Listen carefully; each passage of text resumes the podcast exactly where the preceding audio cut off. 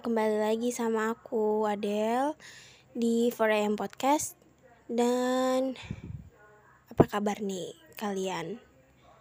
Semoga baik-baik ya uh, Untuk yang ngerasa belum baik nih kabar gue akhir-akhir ini gitu Keadaan gue gitu ya Kita sama-sama berdoa aja supaya kita dikasih yang terbaik sama Tuhan, oke? Okay?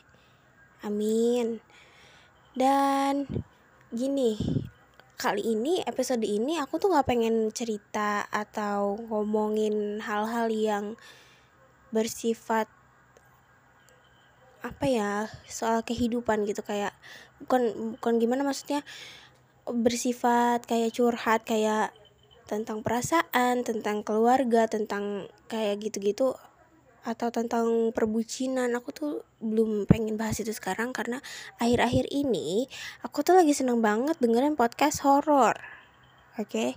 jadi makanya kadang-kadang tuh intonasi aku tuh kayak lagi cerita horor. Karena aku lagi aku lagi seneng banget sama cerita horor yang ada di Spotify itu. Nggak hanya di Spotify sih aku juga seneng banget baca-baca thread horor di Twitter. Dan aku sendiri sempat ngalamin karena gini aku sempat parno karena mungkin aku kebanyakan baca thread horor kali ya terus jadi aku parno gitu. Karena aku ngalamin suatu kejadian yang bakalan aku ceritain kali ini. Emang nggak serem sih nggak begitu serem. Kita curhat-curhat aja kita cerita-cerita aja oke? Okay? jadi gini ceritanya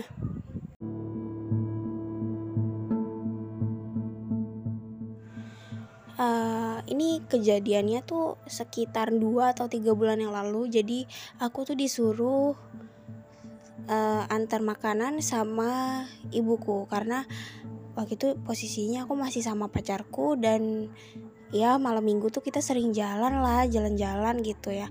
Terus uh, ibuku tuh ini nyuruh antarin tolong makanan ini ke om.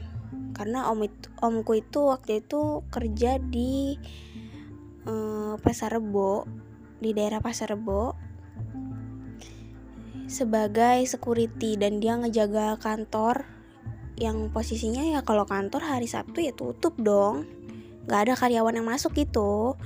Terus ya udah aku ke sana. Sampai di sana setelah ngobrol-ngobrol-ngobrol sama si om ini dan ngasih makanannya akhirnya si pacarku ini ngomong gini e, om aduh kebelet pipis nih uh, izin ke belakang ya gitu. Akhirnya dianterin tuh karena ya namanya wilayahnya si om kan pasti dianterin dong ke belakang meskipun kita dulu juga pernah beberapa kali ke situ.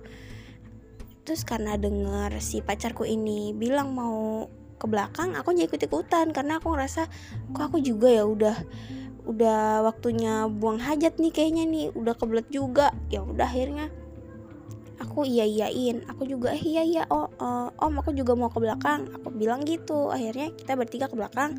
Dan karena mungkin si om udah uh, percaya sama kita jadi ditinggal lagi ke depan ke meja resepsionis sama si om.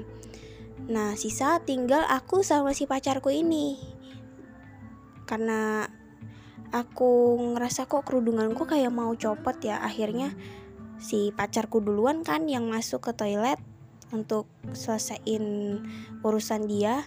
Akhirnya aku nyari kaca nih. Kata si om kaca tuh ada di belakang. Di belakang itu di bagian dekat ya mungkin pantry kali namanya ya. Aku nggak tahu namanya apa. Itu semacam ya agak kayak dapur sih. Lebih kayak ke, ke dapur ke pantry gitu lah. Terus akhirnya aku turun karena memang lantainya tuh agak turun Aku turun dan aku ngaca di situ. Ada kaca yang ukurannya lumayan gede dan lumayan jelas banget kacanya nggak burem. Dah tuh, selesai itu mataku ke mana-mana.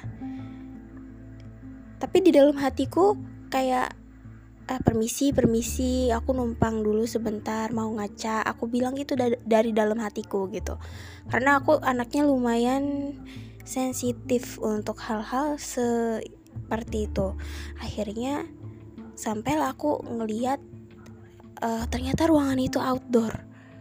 Tembus ke outdoor. Maksud maksudku outdoor di situ ada teralis uh, yang yang apa ya menghubungkan bukan menghubungkan kayak iya teralis.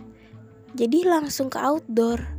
Dan angin dari luar itu berhembus ke dalam langsung aku di situ langsung oh my god ini langsung tebus keluar. Aku pikir gitu dan uh, langit malam itu kelihatan dari situ otomatis.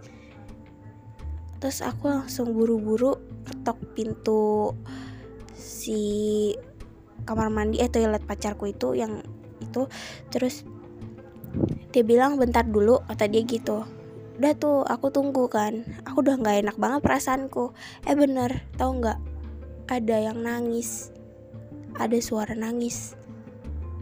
Kayaknya sih uh, feeling aku tuh dari arah outdoor itu di mana teralis itu berada. Jadi aku bisa ngelihat langit malam dan beberapa uh, uh, AC yang bagian AC yang ada di luar itu loh. Bagian AC yang ada di luar itu yang ada buangan airnya itu mesinnya itu aku bisa ngeliat berarti kan itu memang benar ada di luar kan? Di luar dari gedung itu gitu. Itu memang tembus ke outdoor dan aku tuh kaget. Kok ada suara nangis aku pikir gitu kan. Suara cewek nangis dengan uh, ya kurang lebih kayak gini lah kayak gitu. Dan itu tuh nangisnya bener-bener sedih banget. Aku aku juga ngerasa jadi kayak kok kayaknya nangisnya sedih banget ya? Aku pikir kayak gitu kan.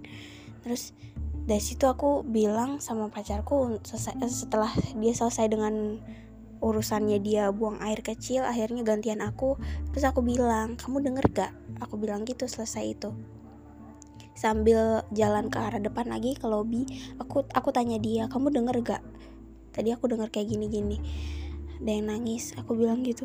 Terus si pacarku ini cuma ketawa doang aku pikirkan dia karena dia tuh anaknya iseng juga. Aku keselnya tuh di situ.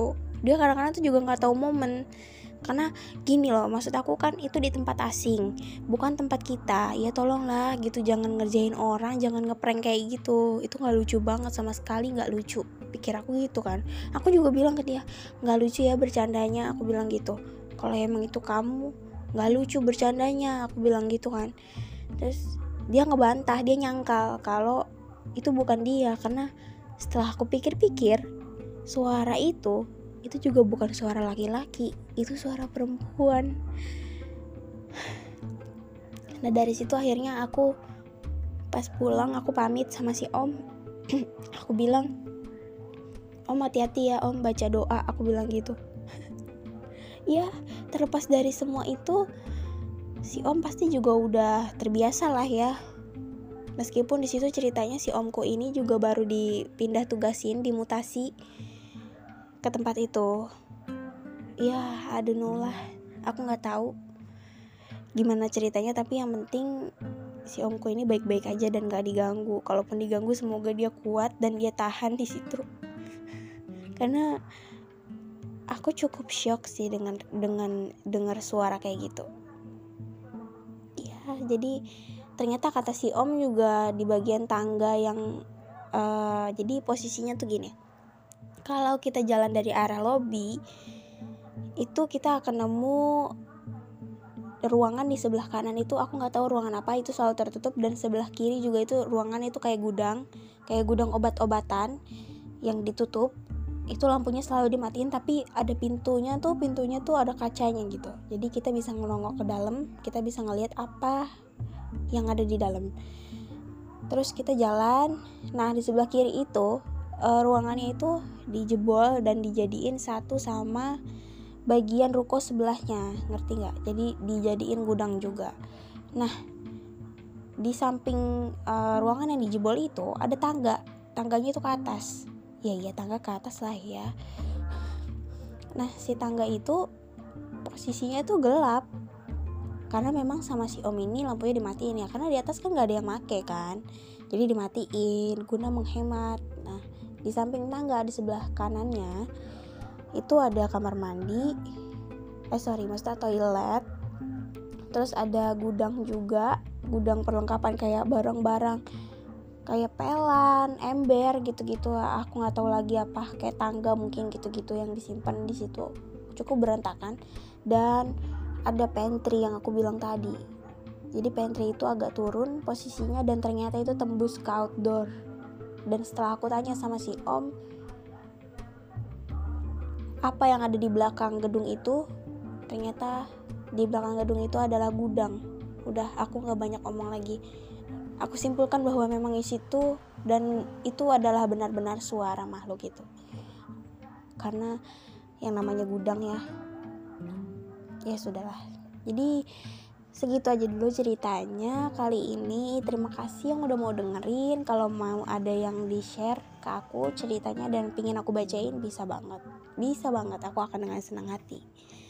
Jadi terima kasih sudah mau dengerin. Sampai jumpa lagi